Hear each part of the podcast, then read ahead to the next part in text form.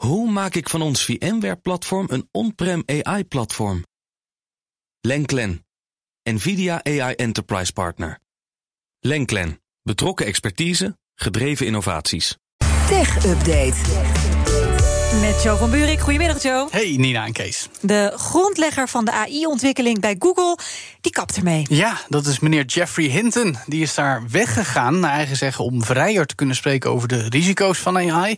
Dat zijn er nogal wat. Daar hebben we het wel eens over hier bij BNR, mm op zijn zacht gezegd. Dat vertelt hij ook allemaal in een uitgebreid interview met de New York Times, wat net gepubliceerd is. Hinton maakte ruim tien jaar geleden, in 2012, samen met twee PhD-studenten, een systeem dat afbeeldingen op grote schaal kon identificeren en beschrijven met wiskundige technologie die we nu neuraal netwerk noemen.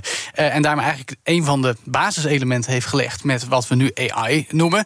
Dat bedrijf werd toen ook overgenomen door Google. Zo kwam hij daar terecht. Heeft mm dus ruim tien jaar gezeten. Won in 2018 nog een Turing Award, vernoemd naar Alan Turing. Eigenlijk de Nobelprijs voor de computerwetenschappen. Die kreeg hij samen met onder meer de AI-baas eh, bij Meta, moederbedrijf van Facebook. En dat is Jen LeCun. Oké, maar hij gaat dus weg na elf jaar om vrijer te kunnen spreken over AI. Wat, wat zegt dit? Nou, dat hij toch best wel geschrokken is over hoe deze AI-race, of AI-oorlog zelfs, zo je wilt, de afgelopen maanden is opgelopen. Hij heeft namelijk aangegeven dat Google zich een beetje heeft laten meeslepen door Microsoft. Dat uh, natuurlijk investeert in OpenAI, bedrijf achter ChatGPT, en die technologie in eigen producten stopt. En dat daar bij Google nogal wat alarmbellen over afgingen afgelopen winter. Dat daar dus ook de AI-ontwikkelingen in een hogere versnelling zijn gezet. En dat gaat in tegen het geweten van Hinton, blijkt een beetje uit dat interview in New York Times. Die zegt dat zo'n concurrentiestrijd gaat leiden tot veel fake afbeeldingen, fake teksten, die niet meer van de echt onderscheid zijn. Nou, soms zien we daar al voorbeelden van. Als je mhm. kijkt op social media bijvoorbeeld. Op korte termijn maakt hij zich dus zorgen over misinformatie. Op de langere termijn ook echt over het overbodig maken van menselijke banen. En zelfs mogelijk een bedreiging voor de mensheid. Als AI echt helemaal zelf code kan gaan schrijven. Hinton voelt zich ook wel verantwoordelijk voor zijn bijdrage ik aan de ontwikkeling. De grondlegger zou je hem best wel kunnen noemen. Ja, daarom. Hij zegt: Ik troost mezelf met de gedachte dat als ik het niet gedaan zou hebben, iemand anders het wel weer gedaan had. Ja, Zo kun je het ook zeggen. Ja, hij bestrijdt echter wel zo vallend. Hij heeft daar net nog over getwitterd dat Google onverantwoordelijk bezig is met AI. Dat zou wel een beetje doorklinken uit het artikel in de New York Times. Maar dat vind ik afhankelijk van hoe je het leest.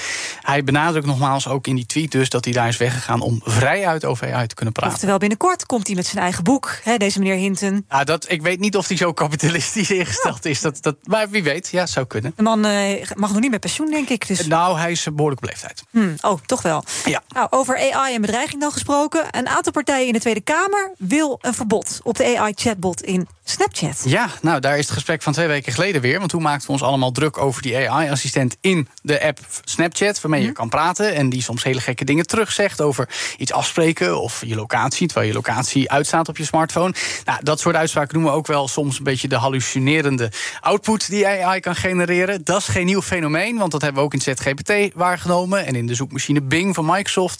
Maar ja, omdat nou in een app die vooral ook toch door jongeren gebruikt wordt, of in ieder geval jongere gebruikers, dat is niet zo wenselijk. Dat beschreef het AD twee weken geleden al uitvoerig. Nu doen ze dat weer. Ze hebben een rondje langs de velden gemaakt. Juist ook Kamerleden zonder meer ChristenUnie en CDA aan het woord gelaten. Die zeggen we zouden misschien met een verbod moeten komen. Mhm. Ook SGP en SP zouden dat wel eh, zien zitten. Evenals uiteraard diverse instanties die zich inzetten voor het beschermen van kinderen. Ik snap dat. Uh, op zijn minst een leeftijdsgrens zou goed zijn. Want die geldt momenteel eigenlijk vanaf 13 jaar. Heeft bijvoorbeeld Snapchat zelf bepaald en sommige apps ook. Maar ja, dat is niet hele goede bescherming. Ja, en, en wie houdt zich aan die leeftijd? Uh, dat ook nog. Ja, Als je het gewoon zelf kan maken, een account, dan doe je het als je tien bent. Ja, maar als je even uitzoomt, uh, is dit probleem dan beperkt tot Snapchat? Mm, nee. en een maand geleden werd hier ook over geschreven door vooral Amerikaanse techmedia. Maar nu zie je het terugkeren, want vorige week in de kwartaalcijfers zei de topman van Meta, Mark Zuckerberg, nog: Nou, AI-assistenten, dat moeten we misschien ook maar eens gaan doen in WhatsApp, Instagram en Facebook. Nou, dan wordt het dus echt een brede ontwikkeling nog meer. Interessant ook wel, want dat geeft aan dat wij blijkbaar sociale interactie ook met ja, uh, synthetische mensen, laat ik het zo zeggen, leuk vinden om onze tijd aan te besteden. Mhm. En dan is het natuurlijk zeker de case te maken dat de jeugd daar toch wel ja, wat minder goed mee om zou kunnen gaan. Belangrijke thema's die je in je kwetsbare en ontwikkelingenjaren niet met een computer moet bespreken, maar gewoon met andere mensen. Mede daarom werd dus ook weer opgeroepen tot regelgeving, vertelde collega Michiel vanochtend ook in de tech-update. Want de ministers van digitalisering van de G7-landen zijn daarover nu in gesprek tijdens een top in Tokio.